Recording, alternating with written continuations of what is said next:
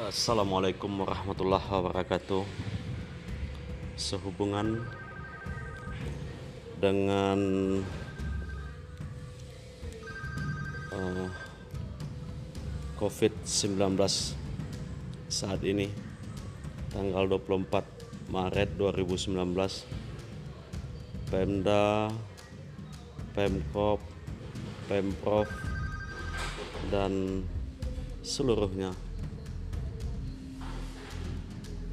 menampakkan kepanikan atas COVID-19 ini. Jadi kami menghimbau kepada seluruh warga masyarakat jangan